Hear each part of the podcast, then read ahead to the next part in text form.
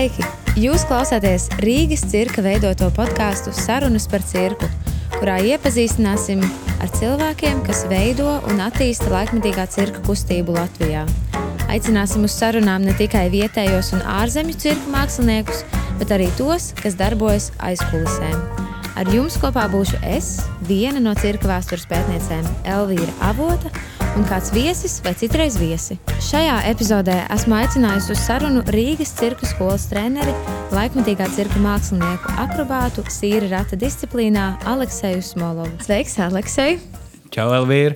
Uh, varbūt tev ir vēl kāds um, punkts tavā dzīvē, ko tu teiktu, kas raksturo tevi kā mākslinieku, ko tu gribētu, kā tu gribētu sevi pieteikt. Nu, tas lielākoties arī kad es satieku jaunus cilvēkus, tas arī ir tas, ko, ko, ko es pasaku parasti. Un tad, tad jau sarunā mēs varbūt atvēramies nedaudz vairāk, un tad tie cilvēki arī palīdz uh, kaut kā uzzināt sevi vairāk un pastāstīt par sevi vairāk, un tad kaut kādas jaunas iezīmes parādās. Bet, nu, jā, tas sākums parasti ir šīs cirka mākslinieks, laikmetīgi cirka mākslinieks. Uh, disciplīnas ir rats. Mm -hmm. Un varbūt tu vari mazliet pastāstīt, kā tu vispār nonāci cirkā. Kas bija tas, ko tu darīji pirms tam? Es esmu dzirdējis dažas baumas par ļoti iespaidīgu dzīvi. Oi, jā, jā, bet uh, interesanti, ka cirkā principā, jo vairāk tu iepazīsti cirka māksliniekus, jo vairāk tu redzi, cik, cik tie mm, ceļi ir li, liku lokām. Mm -hmm. Tad uh, ir ļoti interesanti st to stāstu dzirdēt un jā, apmainīties arī ar tiem stāstiem. Jo ir, protams, ir tie stāsti par to, uh, jā, es gāju kopš bērnības gadiem, es gāju tur uz cirka studiju, tad es aizgāju uz uh, sagatavošanas skolu, un tad es nonāku cirka, uh, cirka universitātē, un tad es absolvēju, un reku es esmu tagad cirka mākslinieks. Bet ir arī, kas varbūt vairāk mm, ir raksturīgs mm, vecākas paudzes eh, cirka māksliniekiem, un es tagad runāju varbūt ne tik daudz par reģionu. Jo es vairāk pazīstu māksliniekus no Eiropas, un tad, uh, no tas vecākas paudzes cirka māksliniekiem, kas, uh, nu, principā arī no kaut kādām citām nodarbēm vai citām profesijām satika to cirku, un tas cirks kļuva par, par, par dzīvi. Un, uh, manā gadījumā arī tā tas ir noticis, jo principā tas ceļš pirms cirka man bija ļoti mm. tradicionāls. Uh, skola, universitāte, protams, inženierija, uh, absolvējam, strādājam. Tā kā mm -hmm. viss notiek uh, kā pēc, uh, pēc plāna, kā vecākiem patīk. Tu biji inženieris. uh, nu, es joprojām es domāju, ka. Mm, Nu, pirmkārt, man joprojām ir diploms inženierijā. Tas ir pirmais, un uh, vēl vairāk man ir diploms medicīnas fizikā. Okay. Tas izklausās tā kā tuvāk tam, ko tu dari. Tā, nu, tā. Jā, bet es arī nu, saprotu, ka tā doma viņa, viņa arī šobrīd, nu, tas kā. Um, Tas prāts, kas tika asināts ar inženieri, viņš, mm -hmm. viņš palīdz arī šobrīd. Uh, Uh, lielākā mērā, nu, protams, tu pēc tam izvēlies, ko, ko izmantot no tās iepriekšējās pieredzes, ko neizmantot, ko aizmirst, kas pats par sevi aizmirsās. Bet, nu, principā, jā, tas ir tas, kas, kas paliek ar tevi un tad, uh, palīdz tavā darbā. Bet, uh, jā, inženieris un uh, sāku strādāt uh, rehabilitācijā, pat cik medicīnas fizika ir saistīta ar medicīnas iekārtām. Tad es sāku strādāt rehabilitācijā. Uh, Bet visu laiku paralēli es nodarbojos ar, gan ar kādām mākslinieciskām aktivitātēm, gan arī ar fiziskām aktivitātēm. Un fizisko aktivitāšu ziņā man bija uh, cīņu mākslas, mm, ar kurām es nodarbojos nu, desmit gadus pirms es izšķiros cirka labā. Un, um, jā, bet uh, mākslas ziņā es biju gan dejojis, gan. Um, griezis uguni, tad nodarbojos ar ugunsšovu. Un principā tas ugunsšovs bija tāds tā kā lūzuma punkts, kad, kad es sapratu, ka tā uzstāšanās un tie priekšnesumi man ļoti sirdī tik. Un tad uh, tas arī ir tas, ar ko es vēlos nodarboties turpmāk. Un tad parādījās cirka disciplīna, ienāca sīrarāts manā dzīvē. Nu tad vispār. Tad es sapratu, -hmm. nu tad jāatsakās no visa pārējā. Uh, Un uh, jā, jāvelta laiks tikai, tikai cirkam. Mm -hmm. Tālūk. Varbūt tu vari mazliet pastāstīt, kas ir sīra rats. Nu, tagad uh, internetu laikā, un uh, sociālo stiklu laikā, un visādu rīls un tā tālāk mm -hmm. laikā, uh, noteikti lielāka daļa no cilvēkiem ir redzējusi cilvēka auguma lielu riņķi kurā cilvēks griežās un met visādus akrobatiskus trikus un tā tālāk. Un principā šīs ir sīra rats, tad metāla riņķis. Uh, ar tā gumijotu apvalku, lai labāka saķere būtu ar, ar, ar grīdu. Un, uh, jā, viņš parasti ir vai nu cilvēka augumā, akrobāta augumā, tad viņu taisa specifiski pēc auguma, pēc pasūtījuma, vai ir nedaudz lielāks, tur atkarība no, no katra akrobāta gaumes. Uh, un, jā, viņš ir paredzēts tieši lai, lai taisītu akrobatiskus trikus vai arī dēļas manipulācijas, un uh, ļoti lielas iespējas uh, ar viņu ir. Un, uh, šī ir samērā jauna disciplīna, tad viņai apmēram ir 20 gadi. Nu, kas cirkā principā skaitās, ka, ka, ka ir diezgan jauna disciplīna. Līdz ar to mm, tas triku un to iespēju uh, mm, klāsts, viņš arī šobrīd viņš tikai ar vienu veidojās. Jā, tad mēs, mēs nevaram pateikt, ka nu, reku, tā, tā vārnīca, uh, tas, jā, tas krājums, reku, šie ir triki, un viss mēs neko vairs nevaram paveikt ar to. Un līdz, uh, man, man tas arī patīk, jo ikdienā tu vari kaut ko jaunu atrast un pats arī pienest kaut kādu uh, jauninājumu tai visai disciplīnai, kas pastāv. Un tad varbūt jāpasaka arī par, par, par nosaukumu kā tādu, jo sīra tas ir um, uzvārds Danielam Sīram, kas ir uh, kanā, kanādiešu mākslinieks, cirka mākslinieks. Un, uh, viņš joprojām ir līdzsvaru akrobāts, un viņš strādāja uz trepēm, uz brīvi staigājošiem trepēm, free leather. Uh, Un tad uh, viņam bija kaut, kaut kāds posms, kad viņš nolēma uh, kaut kādu jauninājumu ievest. Un tad viņš sāka pētīt nu, kaut kādas citas konstrukcijas, tad viņš nonāca līdz riņķim. Tā viņš izgudroja šo ratu, kurai ir nosauca viņa uzvārdā. Bet arī kā, vēsturiski izskatās, ka šāds nevis kā cirka žanrs, bet gan kā sporta veids. Viņš pastāvēja arī Vācijā, jo Vācijā, piemēram, ir izplatīts uh, vācu rats, kas ir nedaudz citādāka konstrukcijā. Tie ir divi riņķi, kas ir savienoti savā starpā, un tur ir cilpas kājām, un tur ir uh, speciāli roka, tur ir rokām. Un tad, principā, viņu arī vairāk izmanto. Viņu šobrīd arī var redzēt uh, kā cirka žanru, bet nu, viņu lielākoties izmanto kā sporta veidu. Un tad uh, notiek sacensības, tur ir kā, uh, ratu.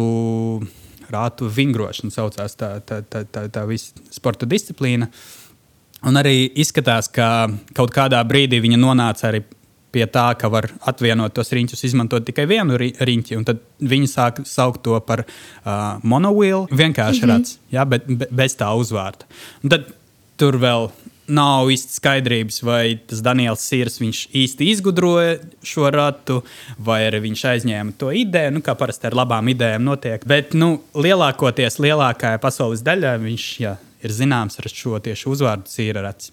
Un es uh, redzēju kaut kad uh, tavos sociālos tīklos, ka tu biji nošērojis, ka tu kā dejo kaut kādā veidā. Es, tas ir pareizais, kā to nosaukt.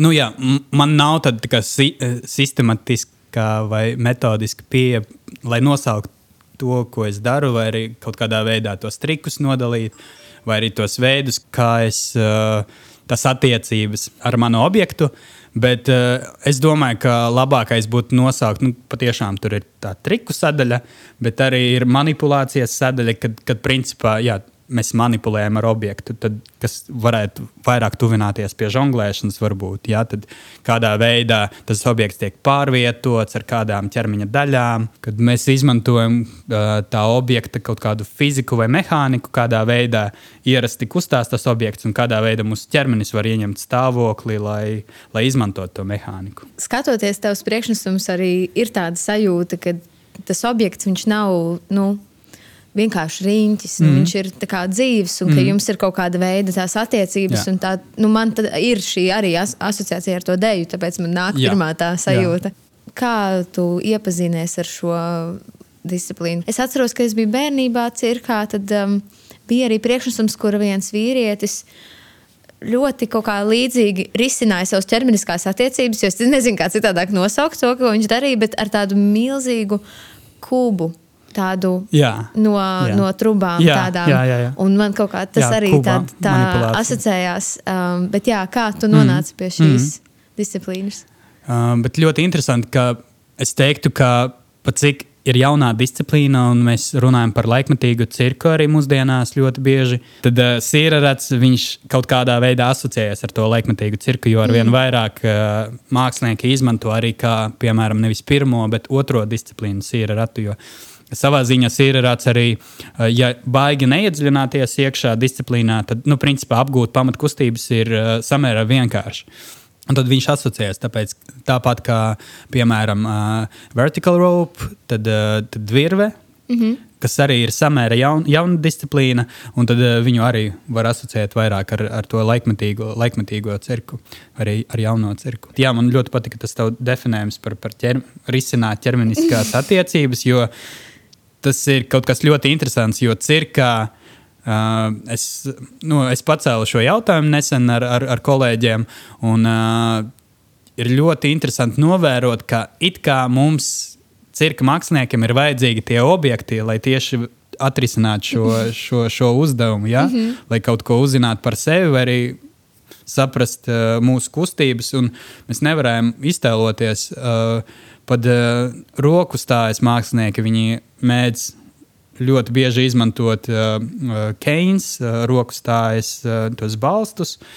Un, um, akrobāti parasti izmanto kaut kādu grīdu, kas vai arī batūtus, vai arī tā izskatās, ka tas, tas objekta nozīmīgums cirka mākslā ir, nu, ir ļoti no svara. Uh, bet uh, jā, par to, kādā veidā manā dzīvē tas ierāds ir uh, ienācis uh, ļoti nejauši, nejauši, nejauši sakritības. Jo es saņēmu video šēru uz savas Facebook, mājas, uh, uz savas Facebook lapas no sava klases biedra, kurš aizsūtīja man tieši vienu no priekšnesumiem ar sīra ratu, kur um, mākslinieks, viņš. Uh, Tas bija mūzikas video īstenībā. Tur bija tik daudz uh, brīvības. Un, uh, man liekas, tas sakrita ar to sajūtu, ko es vēlējos dabūt tajā tai, tai brīdī, kad es ieraudzīju šo video. Um, tas mans draugs vēl uzrakstīja, nu, skaties, šīs varētu būt tavs nāk, nākamais līmenis, jo viņš zināja, ka es interesējos ar akrobātiku, es uh, nodarbojos ar ugunsšovu. Un, uh, es noskatījos to video, es pilnībā sajūtu to brīvību, un es sajūtu to brīvību savā ķermenī, pat nepieskaroties pie tā rata. Un vai tas bija tas pats vakars, vai arī tas bija nākamais, nākamā diena, kad es sameklēju, kur var pasūtīt ratu. Uh, atradu piegādātāju, pasūtīju, un tad, man liekas, pēc nedēļas es jau dabūju to ratu un sāku darboties, mācoties no YouTube video, no visādiem. Jā, nu, principā, pavadot laiku ar to ratu bez skolotājiem. Tāds ir tas ceļš. Tēma, ko mēs vēlamies ar tevi mm -hmm. apskatīt, ir uh, cirks un risks, jeb mm -hmm. risks un cirks. Mm -hmm. Pirmais, ko es vēlos te pajautāt, uh, ir par tādu stereotipu, ka cirka mākslinieks kopumā, kad uh, viņš izvēlās, viņš vai viņa uh, izvēlās šo um, dzīves ceļu, cilvēks diezgan spē spēcīgi riskē ar tādu normālo labklājību, teiksim tā. Mm. Nu, ka, nu, ka tādu stabilitāti, mieru un tādu iespēju plānot savu dzīvi tālāk uz priekšu. Mm -hmm. Vai arī tu ar to saskāries? Jo dažreiz šis stereotips, kā, nu, manā pieredzē, ir saistīts ar tradicionālo cirku. Un tādiem vēsturiskiem stāstiem par to, ka kāds tur aizbēg no mājām, mm -hmm. lai būtu ar cirku un līdz ar to mm -hmm. pamet visu savu dzīvi. Mm -hmm. Kā tev bija, vai, vai arī tavā dzīvē šis lēmums bija saistīts mm -hmm. ar risku? Mm. Nu jā, kaut arī es nošķiros cirka labā diezgan samērā, kā to nosaukt, to vecumu, samērā mm, nobriedušā vecumā. Tad tas nebija kaut kāda pusauģa lēmums. Tas bija lēmums cilvēka, cilvēkam, kas, kuram bija jā, labi atalgots darbs, pat divi darbi. Un, bet kaut kā tajā brīdī Uh, tas entuziasms un tas, ko tu izjūti, tā eifórija savā ziņā, ir tik stipra, ka nu, es vismaz es nebiju izvērtējis galīgi tos riskus. Es es ļoti uzticējos saviem spēkiem, es ļoti uzticējos uh, dzīvē un pasaulē, zinot, ka, nu, ja es, ja es jūtos labi, ja es esmu enerģijas pilns un uh, optimismu pilns, tad tas durvis pavērsies vaļā. Un tad man būs visas iespējas, lai nodrošinātu. Uh, nu, mēs tagad runājam par iztiku, par kaut kādu labklājību, tad man būs visas iespējas. Nu, tas no manis, es ticēju no manis, un no manas attieksmes pret pasauli. No tā viss ir atkarīgs. Līdz ar to tas lēmums par uh, cirka labā, nu, viņš, viņš galīgi ļoti ilgi nedomāja. Un pat uh, es biju priecīgs pieņemt to lēmumu, jo es atceros, principā es nolēmu pamest uh, visus uh, darbus, kaut arī es to do, darīju gadiem ilgi, pakāpeniski, tā mazāk un mazāk strādāt. Nu, es, es runāju par to darbu, kad tu atbrauc, uh, teiksim, sācis darbu deviņos, vai, un tad pabeidz sešos un, un tā tālāk. Ja. Jā, es to darīju pakāpeniski, ar vien vairāk un vairāk uzstājoties, un arī, piemēram, pasniedzot cirka skolā. Nu, tad Vien, vienu brīdi es mēģināju savilkt visu kopā. Tad es strādāju rehabilitācijas centrā, divos amatos, tad es strādāju Rīgas cirkā, tad es uzstājos. Jā, šīs bija par daudz vienam cilvēkam. Paralēli visam tam vēl treniņi. Noteikti. Jā, jā, jā. jā. Un tas bija noteikti par daudz. Tāpēc tas lēmums arī nāca ar tādu arī atbrīvošanos. Un varbūt tāpēc arī nebija, nebija baigi domāt, jo tā bija it kā tas bija lodziņš uz brīvību. Tad, uh, nebija arī domas par to, nu, kā, kā es tur nopelnīšu nākamajā mēnesī un nākamajā. Tad, jā, tad tā bija prieka sajūta. Kā tev prāt, vai nu, šīs stereotips par to risku un to normālās mm. dzīves mm. upurēšanu vispār ir kaut kā attiecināms uz laikmatīgo cirku, vai tur jau parādās cita, nu, cita veida tendences mm. cilvēku izvēlēs? Nu jā, man, man pirmais tas jautājums par to normalitāti. Kas tad ir normāls? Man liekas, jo tie stereotipi arī, kas bija iepriekš, nu, tad skola, universitāte, ģimene, darbs, stabilitāte, man liekas, viņi mūsdienās viņš, viņi arī ļoti kļūst ļoti veiki. Jā, jā tā kā, nu, tādi mainīgi un brīvi. Jā, jā, brīvi. Un līdz ar to nu, mēs tagad mēs brīvi ceļojam, visur mēs strādājam kaut kādu freelancer uh, darbu un dzīvojam vienā, vienā vietā un strādājam kaut kur citur. Un, uh, man liekas, tas ļoti nu, saskan ar, ar mūsdienu laiku. Un, uh, līdz ar to tas stereotips par to kā, kaut kādu noteiktu ceļu un uh, par to stabilitāti, viņš arī, nu, mēs saprotam, ka to stabilitāti var, var iegūt citā veidā. Tev nav jāpaliek uz vienas vietas, piemēram, vai tev nav jāpiesaistās pie vienas darba vietas, ka tu vari to stabilitāti nodrošināt, un tas arī tevis un tava kaut kāda, nezinu, loka atkarīgs, cik stabils tu esi. Uh, jā, kaut kāda ticība saviem spēkiem Man liekas, tas arī ir raksturīgs mūsu, mū, mūsu laikam, kā ar vien vairāk mēs vēlamies paši kaut ko uh, veidot. Ne? Mēs esam vairāk nevis izpildītāji, bet varbūt creators, tad mēs vēlamies rādīt. Un tāpēc uh, jā, es nedomāju, ka, ka, tas, ka tas ļoti iespaido cilvēkus, kas uh, pieņem lēmumus sevis pēc, nevis klausoties vecākiem vai arī nezinu, Jā, varbūt tās arī mūsdienās mēs vairs to neredzam kā risku. Mēs vienkārši, nu, tas ir tas, ko Tāda tu izvēlies. Tā ir, jā, jā, jā, jā redz, tu vari redz, pielāgojies. Tu satiec milzumu daudz cilvēku, tu dzirdi milzumu daudz stāstu par, par visādām pieredzēm, un tad tu saproti, nu, vi, viss ir iespējams, vai ne? Jā, jā. Kādas vispār ir tavas attiecības ar risku? Kā, vai tev ikdienā viņš ir klāts, vai tev patīk riskēt? Nu, ir, ir tā, ka man patīk būt noteiktas kontroles zonā, no kurienes man patīk saprast to kontroles zonu savu, un no, no tās zonas man patīk uh, iziet laukā. Ja, es nezinu, jā, tā nav komforta zona, tā ir vairāk kontrole, lai saprastu, kādas manas ir iespējas kaut ko pamainīt. Un dažreiz viņa sarūk, viņa ir arī ļoti mainīga. Es saprotu, dažodos, dažos apstākļos viņa ļoti sarūk, un tad es ļoti daudz nevaru kontrolēt. Tad uh, citā brīdī, kad ir atpūtas brīdis, tad es saprotu, oh, es ļoti daudz kontrolēju. Un, un tad uh, es sāku nogurt arī no tās sajūtas, no tā mierīguma sajūta, ka es nu, pilnībā visu te varu kontrolēt. Tad man, man gribās atkal sevi izstumt kaut kur, kur tā kontrole kontrole ir minimālā, un tad uh, es atkal jā, meklēju jaunus ceļus. Tālūk, tā kā es nevaru nosaukt sevi par riskantu cilvēku, bet arī jā, es domāju, ka cirka, cirks arī māca, ka risks ir nu, savā ziņā kontrolējams. Tad, uh, principā, tas, ko mēs darām, ir, ka mēs nonākam kaut kādā situācijā, kur mēs spēlējam ar to risku, bet kā mēs tur nonākam un kā mēs esam tur, tad mēs principā rūpējamies par to, lai tas risks tomēr ir uh, minimāls savā ziņā. Nu, man liekas, tā ir cirka filozofija. Jā, tad, tad kopš pašiem sākumiem apkārot, apkārot vai arī savaldīt to risku, bet joprojām atstāt, atstāt to iespēju, ka viņš viņš pastāv. Jā, viņš vismaz ārēji šķiet, jā, vismaz ārēji skatītājiem aizraujās elpa. Un, tieši tā, un, tieši jā. tā, jā. Un uh, varbūt tev ir kāds um, mirklis tavā karjerā vai cirka vai uh, vispār, ko tu redzi kā tādu visriskantāko brīdi, kurā tu esi bijis? Man jāpadomā, ko tieši es uzskatītu par riskantu.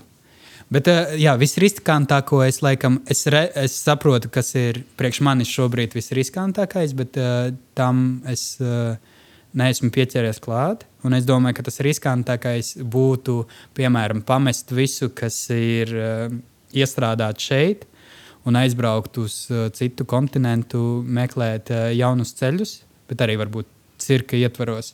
To es, uh, to es šobrīd vismaz jūtu kā, kā lielāku izaicinājumu sev. Mm. Tādu kārdinošu izaicinājumu. Kārdino, diezgan kārdinošu, jā, viņš tāds kutina. uh, viņš kutina. Jā. Nu, es atceros katru soli. Kad es pirmo reizi, piemēram, braucu uz apmācībām, uz, uz universitāti augstskolā Zviedrijā, tad es to uzskatīju par, par savā ziņā risku. Jo es nezināju, tur tas risks bija saistīts. Es nezināju, kā mani uzņems tur, cik, li cik lielā mērā es, jo tā bija mana lielākā, pirmā liela pieredze satikt cirka kopienu, kas pastāv tur Skandināvijā un Eiropā. Un tad es nezināju, kādā veidā es ar savu pieredzi ielu ne tik daudz ielu mākslinieku, bet pašmācības ceļā apguvušu vi, visu tehniku un tā tālāk mākslinieku, kādā veidā tas, tas viss strādās ar, eh, ar eh, tiem māksliniekiem. Tad satiekot viņus, jā, tas, tas man likās riskanti. Nu, labi, nu, ok, zin, pašnovērtējums, cik, cik augstu tu sevi mm -hmm. vērtē.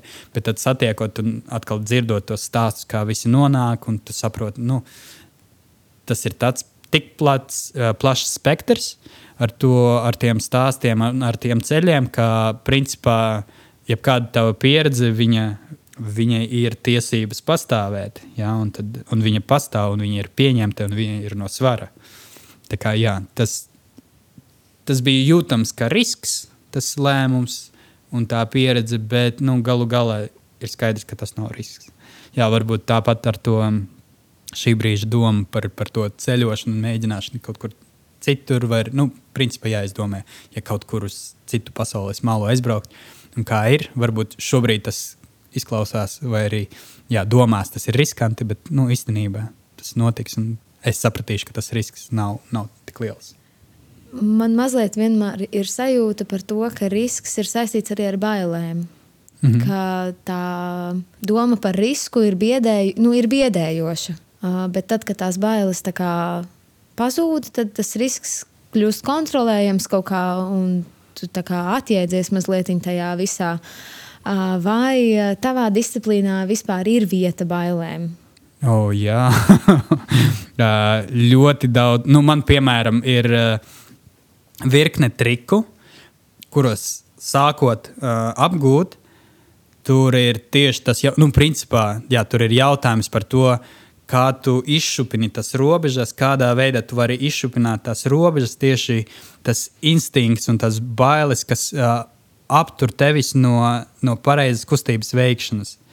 Tas ir jautājums par uzticēšanos, un uzticēšanos savam ķermenim, uzticēšanos objektam, un uzticēšanai vi videi, kas, kas, kas ir apkārt bieži vien arī uzticēšanās līdz cilvēkiem, kas ir ar tevi, bet pat cik man ir solo disciplīna, tad tie līdzcilvēki tik lielā mērā nepiedalās manā, nu, piemēram, treniņu procesā. Bet, uh, jā, es to redzu, kā tu, tev ir tas, tas punkts, kuru tev pakāpeniski jāizšupina, jāizšupina, un tad beidzot tu nonāc līdz, tai, līdz tam punktam, kad tu, kad tu esi brīvs tajā vietā. Bet nu, sākums noteikti ir šīs un šīs arī ļoti bieži arī. Mm, aptur tevi no kaut kāda progresa vai arī tā trika apgūšanas, tāpēc ka uh, nē, nē, nē, un tu to apstādini sevi. Šis arī ir brīdis, kad var traumas diezgan, diezgan dabūt, tāpēc arī jādomā par, par tiem solīšiem, kādā veidā tu pietuvojies uh, tai brīvībai. Jā. Vai ir kaut kādi uh, fiziskie riski, nu, kas varbūt ir tādi biežākie tieši tavā disciplīnā? Nu, visbiežāk joko par pirkstiem.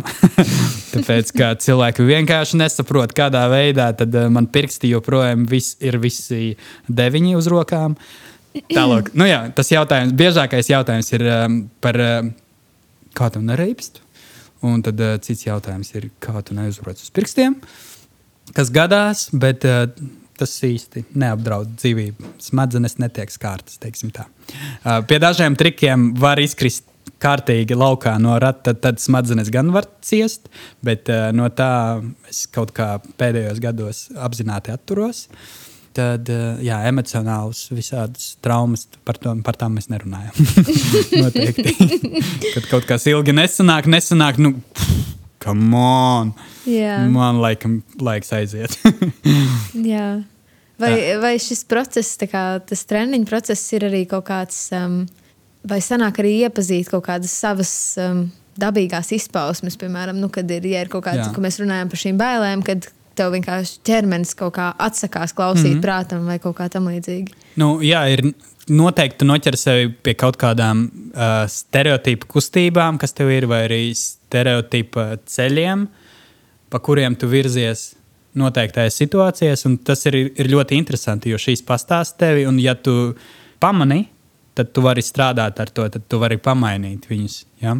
Un, uh, tas man arī patīk, un tur arī strādāju. Bet arī par, par traumām runājot, pat cik es nevienu ar sīraratu nodarbojos, bet es sapratu, ka, piemēram, uh, uh, akrobatiska deja, kas saucās, nu, šī arī samērā izskatās, ka diezgan populāra un jauna disciplīna cirka ir uh, akrodens, kur deju apvieno lielākoties laikmetīgo deju, apvieno ar akrobatiskiem elementiem.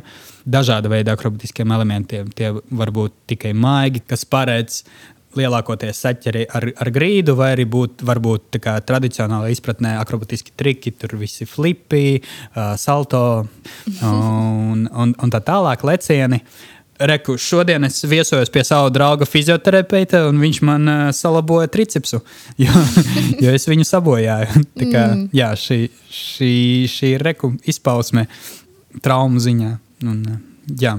Kā tev šķiet, kādām īpašībām uh, vajadzētu piemist cilvēkam, lai viņš varētu vispār kļūt par laikmatīgā cirka mākslinieku?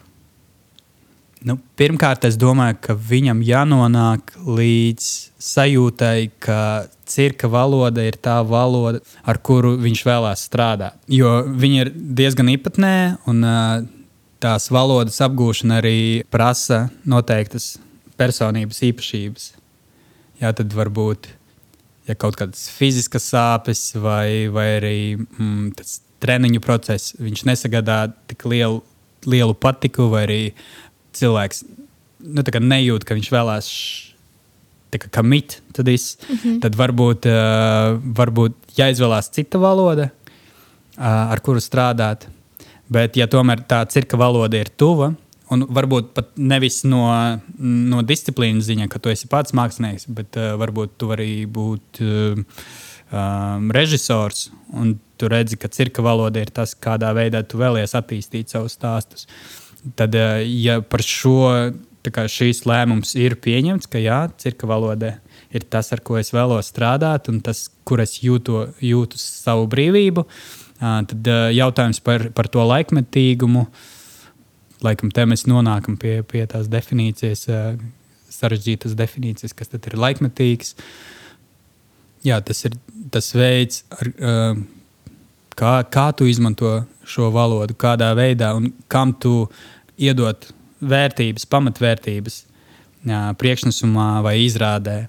Vai tas ir tikai par, par tavām kustībām, vai tas ir tikai par, par jā, sarežģītību līmeni, vai arī ir kaut kas ārpus tā visa. Jo, manuprāt, triks, ka tāds cirka ir svarīgs, un priekš manis viņš ir ļoti svarīgs.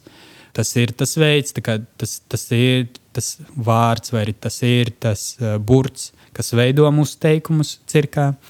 Bet uh, arī jā, kāda, kāda vēl ir vērtība tajā, vai, tu, vai tas ir par kaut kādām emocijām, vai tas ir par kaut kādām attiecībām, ar objektiem, attiecībām starp cilvēkiem. Tad kādas ir tās vērtības, ko, ko vēl um, mākslinieks vēlās mm, izpaust ar, ar to valodu, ko, ko ir apguvis. Jā. Un vai ir kaut kas cits, kas vēl var palīdzēt tai, tai pamatvalodai? Varbūt šī arī nav pamatvaloda, bet jebkurā gadījumā vai ir kaut kas cits, ko, ko no savas pieredzes var izmantot, lai vēl, vēl vairāk atvērt to tematu, vai arī atvērt tas vērtības, ko, ko, ko sniedz um, mm, skatītājiem, Vēl kas ir tāds interesants virziens, ko es esmu dzirdējis, ka tu viņā darbojies. Pagājušajā gadā Rīgas cirkā tika realizēts projekts Next Door Circus, kas ir saistīts ar um, funkcionālo žonglēšanu.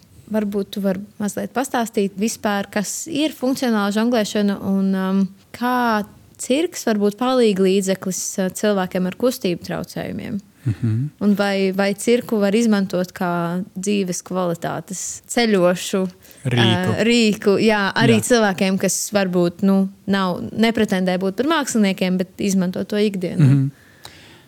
Jā, tā, tā bija burvīga pieredze pagājušā gada, kas nav noslēgusies. Projekts ir noslēdzies, bet mēs vēl turpinām ar šo, ar šo pieredzi.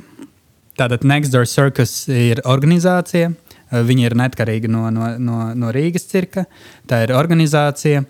Caur to organizāciju mēs tieši um, iztenojam projektu, piedāvājot cirka aktivitātes cilvēkiem ar kustību traucējumiem. Tā, tāds bija tas de definējums.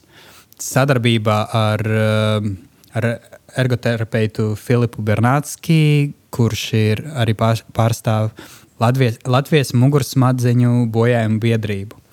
Un šīs ir kaut kas, kas saista manu iepriekšējo pieredzi darbā, rehabilitācijā ar šī brīža pozīciju, ar, ar šī brīža darbu. Kad es vēlos nevis atmest savas iepriekšējās pieredzes un kaut ko, ko esmu apguvis, vai arī kur es esmu ienācis, bet kad es vēlos tieši um, to visu saistīt kopā un uh, likt lietas labā. Un, jā, tad mēs iztenojam cirka aktivitāšu projektu un izvēlējāmies funkcionālo žonglēšanu, kas ir metode, kas ir izgudrota ar pasniedzēju, pedagogu un arī žonglieri no, no ASV, Kreig, uh, Kreigs Quat.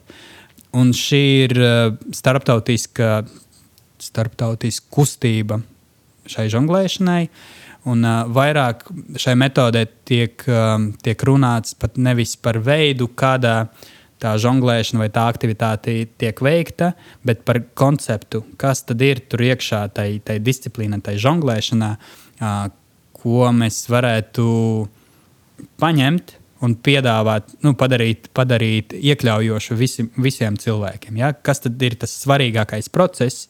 Ko mēs varam iztenot varbūt arī citādā vizuālā izpausmē vai arī citādā uh, sajūtu izpausmē. Un tad uh, strādājot ar šo, šo apziņu, uh, arī ir iespējas padarīt to iekļaujošu, padarīt to pieejamu cilvēkiem ar kustību ierobežojumiem, ar uh, garīga rakstura traucējumiem. Uh, apvienojot to ar dažādiem pedagoģiskiem modeļiem, tad, uh, principā, tas ir tas, ko, ko, ko mēs kāda bija mūsu pieredze, ko mēs piedāvājam, ko mēs arī turpināsim piedāvāt arī nākotnē. Uh, un šobrīd mums plānā, tad uh, principā pagājušo gadu mēs uh, izgājām kursu, uh, pasniedzēju kursu pie, pie Kreiga. Tas bija intensīvs uh, kurs, kura noslēgumā mēs saņēmām certifikāciju no, no Kreiga. Un uh, vēlāk mēs sākam rīkot um, laboratorijas, Mēs saucam to par laboratorijām, jo tas ir process, kur nevienu mēs apmācām, bet mēs arī iegūstam zināšanas no, no tiem uh, dalībniekiem, kas, kas piedalās. Tad tie Tā kā no dalībnieki. prakses jūs Jā, jā, jā. mēs praktiski- mācāmies no prakses, un principā tas darbs notiek kopā. Tad uh, mēs piedāvājam uh, iesaistīties cilvēkiem ar kustību traucējumiem un viņu radiniekiem šai pieredzē, un vēlāk arī, kad uh, Covid ierobežojumi viņi kļuva stingrāki, un mums vairs nebija iespēja organizēt atvērtas, atvērtas nodarbības vai atvērtas laboratorijas. Mēs sākam ceļot un braukt uz, piemēram, mēs bijām Vaivaros rehabilitācijas centrā, kur mēs varējām strādāt ar pacientiem, kas uh, atradās rehabilitācijā un kopā ar terapeitiem, kas ikdienā aprūpē un uh, palīdz, palīdz viņiem. Tad mēs bijām. Um, Mēs bijām uh, speciālajā pamatskolā Pelčos, kur arī mēs strādājām ar, ar studentiem, skolēniem, kas, kas, uh, kas ir tur uz vietas. Tad mēs nevarējām pieaicināt cilvēkus no ārpuses, bet mēs varējām strādāt ar tiem skolēniem, kuri jebkurā gadījumā viņi ir savā klasē. Tad uh, kopā ar saviem skolotājiem viņi piedalās šai, šai pieredzē. Un tad noslēdzām mēs visu aizceļojot uz sociālās aprūpes uh, centru Aknīstē kur mēs arī kopā ar iemītniekiem mēs, mēs to pieredzi īstenojam. Tālāk. Kā tieši šī funkcionālā žonglēšana palīdz šiem cilvēkiem? Mm. Kas ir tas, ko viņi, vai viņi vienkārši iemācās kaut ko, vai tas reāli medicīniski uzlabo viņu problēmu? Nu, es uzreiz teikšu par to svarīgāko atziņu, vienu no svarīgākajām atziņām, ko, ko esmu saņēmis. eh, un Tā bija pieredze, kad mēs bijām Vaivaros. Un es biju strādājis ar sievieti pēc insulta, un tad viņa ir nonākusi rehabilitācijā. Un tā atziņa bija, ka mēs strādājam ar viņu nedēļu, un tā atziņa noslēgumā bija, ka viņa ieguva ticību saviem spēkiem, kādas viņa nebija, kad viņa tikko pamodās uh, slimnīcā pēc, pēc tā negadījuma, kas, kas viņai uh, ir atgādījies. Kad uh, jā, tas uzdevums, ko mēs piedāvājam, viņš, viņš palīdz mm, ieraudzīt, uz ko viņa spēja, arī ar savos jaunajos apstākļos, ar savu jauno ķermeni, ar savu jauno kontroli, ka, kas viņai ir. Jā, priekš manis tas bija nu, tāds, tā ļoti, ļoti stipra atklāsme, ka mēs caur šo aktivitāti, piemēram, nu, viens no virzieniem, patiešām parādīt cilvēkam, ka viņš ir spējīgs. Ja, ir tīpaši, kas ir svarīgs, noteikti šo motivāciju iedot pašā sākumā, kad cilvēks ir nonācis kaut kādā jaunā situācijā. Bet tie virzieni var būt uh, arī ļoti dažādi. Ja. Tā, tā var būt komunikācijas uzlabošana, jo, piemēram, funkcionālajā žonglēšana lielākoties mēs um, strādājam pārī, mēs strādājam viens ar otru un mēs iemācāmies atkal pie, no pieredzes runājot, mēs uh, mācāmies komunicēt. Mēs, piemēram, dažiem bērniem, ar kuriem mēs strādājam pelčos, kustība iedot. Nebija no vieglākajiem. Jā, tad iedot. Viņi ņem, lielākoties ņēma tik līdz bumbiņa atrip, atripo pie viņiem, viņi ņēma to bumbiņu sev vai arī mm. aizmeta. Bet tad mēs pavadām dienu, divas dienas, lai dabūtu to kustību, ka viņš arī padalās. Jā, kas, ir, kas ir svarīgi, principā šīs stereotips, ka mēs pie sevis paņēmām visu, mums arī muskuļi, kas pievelk, ir daudz stiprāki nekā kas atstumj. Šīs ir viens no veidiem, tad tā komunikācija. Tad es nevienu sev, bet arī tev kaut ko iedodu.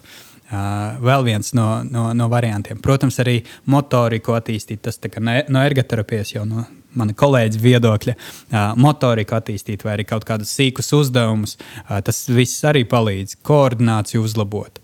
Un arī izbaudīt to pieslēgšanos momentam vai arī izdzīvošanu momentu, kas ir raksturīga cirka māksliniekiem, mūziķiem, lielākā mērā, kad uh, mēs pavadām laiku ar savu instrumentu, un mēs aizmirstam par to laika te tecējumu vai mm -hmm. nu, tā kā, Jā, apstājās, jā, jā. cilvēces izpratnē laiks vienmēr kaut kur iet.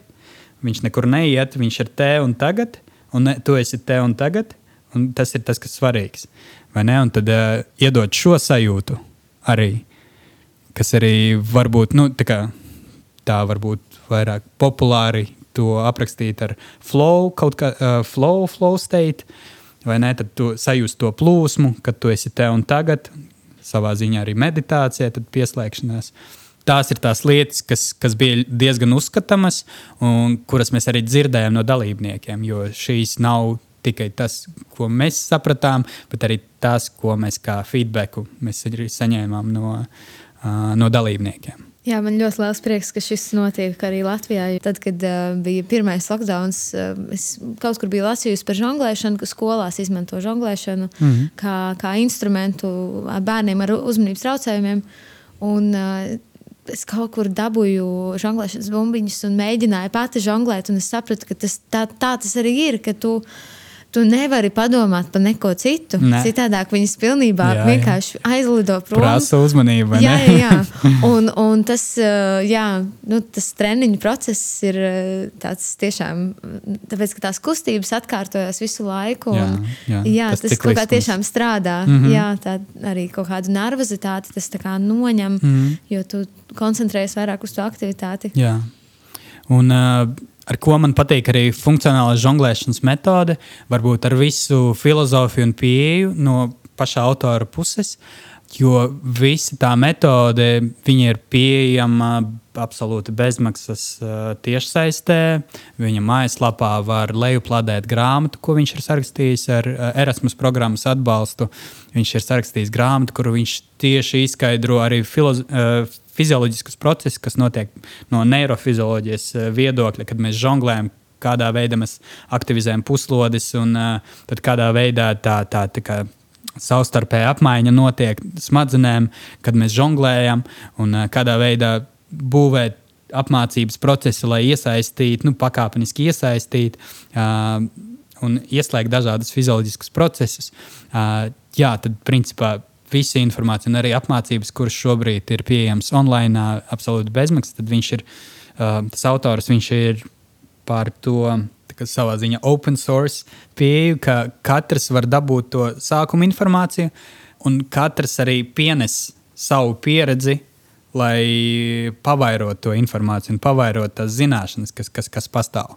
Un, uh, jā, šī filozofija man, man ļoti patīk. Viņa par to par dalīšanos, par, par to. Viņa ir savā ziņā ir diezgan, diezgan dziļa cirka filozofija. Nu, vismaz mūsdienu, varbūt, nu, vai arī tā cirka, kuru es satieku, kuru es piedzīvoju, tā filozofija. Kas ir kāda izrāde, ko tu kādreiz esi nostījies, kas tev ir kaut ko ļoti saviļņojusi. Mm -hmm. nu, tad uh, man ir viena izrāde, kas pamainīja manu dzīvi, un uh, vienkārši uzskatu par, par, par cirka mākslu kā tādu, un tā ir cirka izrāde, kas saucās Old Genius Olidiots. Svalbarda kompānija, kuru es noskatījos Viļņā, un tad es sapratu, ka nu, šīs noteikti ir cirks, kuru es vēlos radīt un piedzīvot tad uh, visiem obligāti, ja kaut kur uzstājās, ka, kaut kur vēl būs izrāde, noteikti jānoskatās.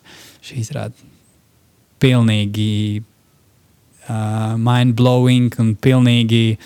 Nu jā, manā gadījumā tas pamainīja dzīvi. Un es biju priecīgs pēc tam, man liekas, pat nākamajā gadā, kad es noskatījos izrādi, un tad nākamajā gadā man bija iespēja uh, jau uzstāties ar šiem māksliniekiem, un tad gadus pēc arī uh, mums, mums veidojās sadarbība.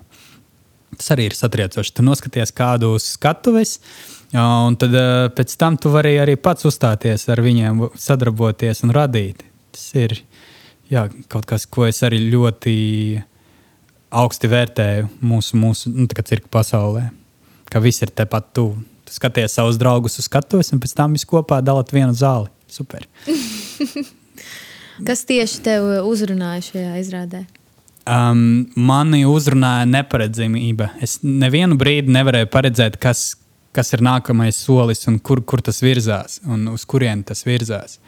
Un, uh, jā, man, manas smadzenes, kā jau smadzenes, mēģina izskaidrot, kur mēs būsim, kā, kur ir tā drošības saliņa, kur mēs nonāksim. Tas nenotika. Tā bija riktīga smadziņu kutināšana. Uh, kas man ļoti patika. Un tad uh, es pilnīgi es jutos, skatoties, es jutos pilnīgi kā, pliks, jo viņi kā, pārņēma kontroli par mani.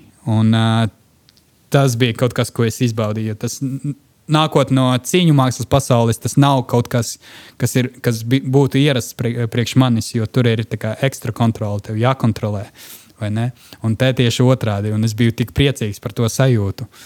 Tas viens, tad dzīva mūzika, ko izmanto. Manai gaumē satriecoša mūzika, dzīva mūzika, kas parādās turpat uz skatuves un veido visu atmosfēru. Un kā viņa savijās ar kustību. Un kad tu saproti, jā, bieži vien piemin, ka laikmatīgas cirks ir mākslas žanru savijums, vai ne?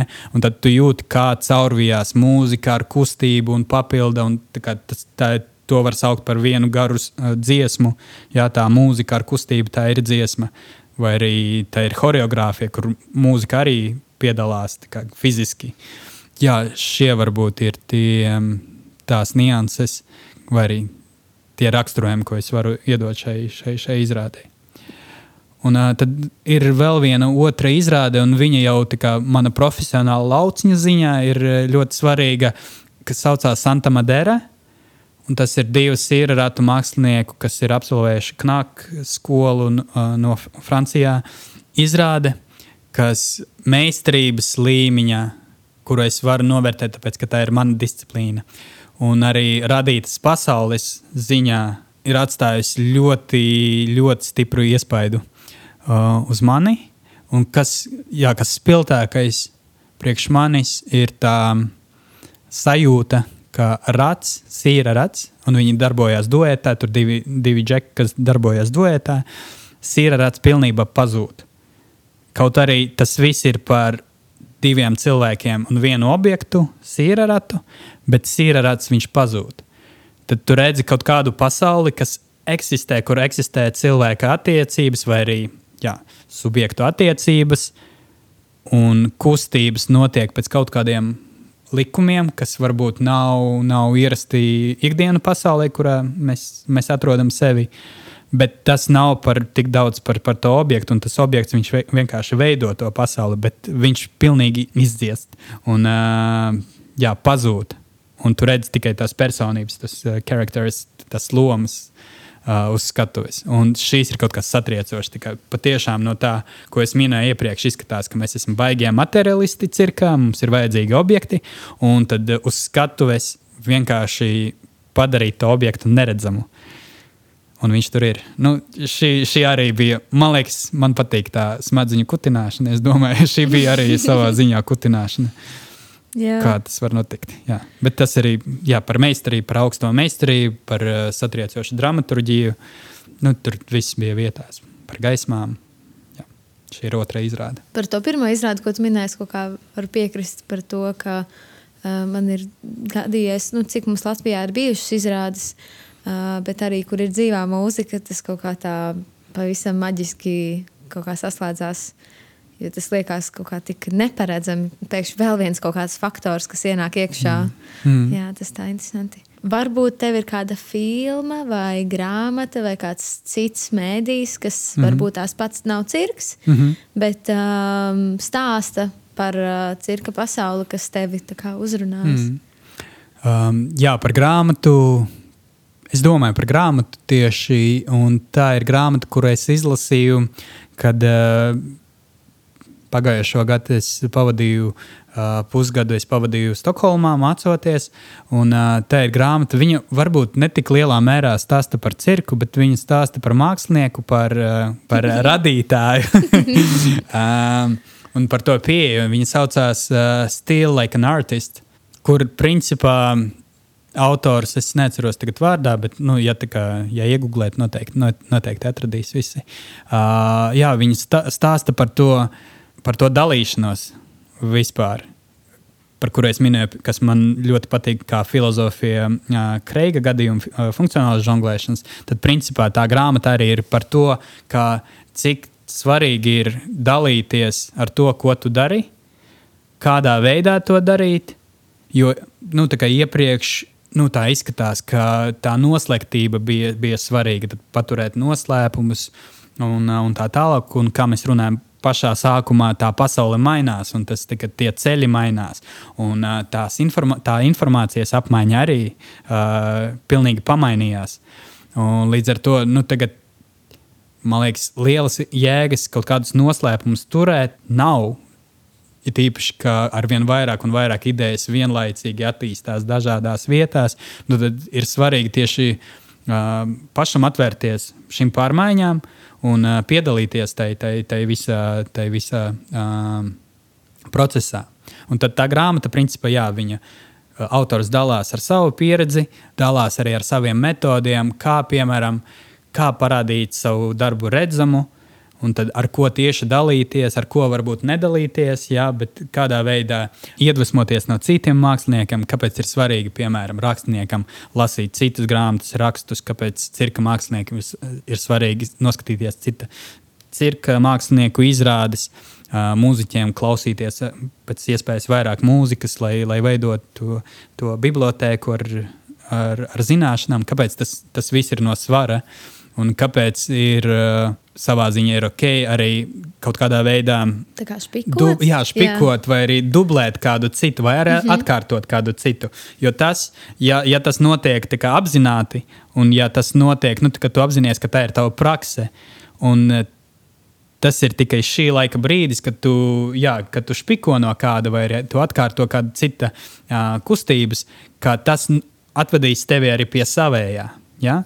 Tāpēc, ka tā informācija jau pastāv un jāiziet noteikti ceļš, lai nonāktu līdz autentiskumam un līdz, līdz savējām. Un, uh, jā, šai ziņā šī grāmata bija ļoti spēcīga, spēcīgi motivējoša man tieši un arī pamainīja to, to uzskatu par, par mākslu kā tādu, arī par, par visām lietām, ar ko es nodarbojos un uh, ko es daru. Un tad jā, visiem ļoti uh, silti iesaku. Jā, mēs noteikti uh, uh, raidierakstā, aprakstā noteikti nu, atzīmēsim šīs jā. lietas, lai viņas ir viegli jā. atrast jā. un uh, uzmeklēt. Ja nebūtu vispār nekādu ierobežojumu, ne fizisku, ne garīgu, nekādu, kas būtu disciplīna, ko tu vēlētos pamēģināt? Mm. E, es jau domāju, ka cilvēki, nu, principā, nu, tā pēc sajūtas ir arī dziļa filozofiska sajūta par to, kas ir es, kas ir ķermenis un tā tālāk, un kāda ir tur sakarība sa, eh, starp ķermeni un es, vai es esmu ķermenis, vai es neesmu ķermenis, un kas esmu bez ķermeņa. Un es varu, man liekas, eh, ļoti ilgi vēl spēlēties. Es esmu ķermenis, ķermenis un es. Bet eh, tā sajūta ir, ka es, es varētu lidot, bet tas ķermenis neļauj. un tie fiziskie ierobežojumi neļauj, nu, tad man, man ļoti gribētos uh, jā, palidot, mm -hmm. ja tā ir disciplīna. Lidošana tā, man liekas, ka tās varētu pilnīgi iespējams kaut jā. kur būt. Jā. Man ļoti patīk visādi supervaroņi, kas var lidot. Mm -hmm. un, uh, vienkārši tādi roku paceļot, tad es arī ļoti gribētu. Jā. Un uh, kā tu atpūties no cirka? Nu, es nenogurstu no cirka. Tāpēc es arī neatpūšos.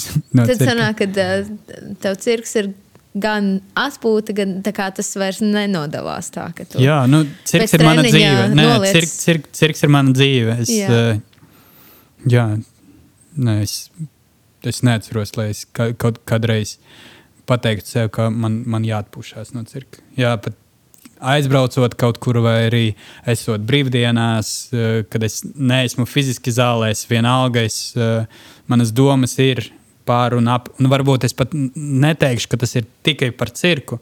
Tas ir par kustību, tas ir. Jā, man liekas, ka tagad visi iespaidi un viss vis kaut kāda digestion, kas notiek man iekšā, viņš ir par, par, par manu darbību. Un, eh, jā, ja tas ir cirks, nu tad tas ir par cirku. Bet jā, es nevaru pateikt, ka es nogurstu, un, vai arī es kaut kādā veidā to sadalu. Tālūk. Parši. Tas yes. uh, izklausās tāds uh, sapņu stāvoklis, kurā nonāk īstenībā.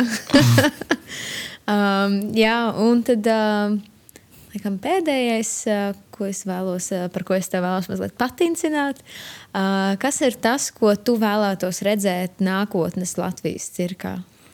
Es noteikti vēlētos vairāk iespēju cirka māksliniekiem uzstāties Baltijā, Latvijā.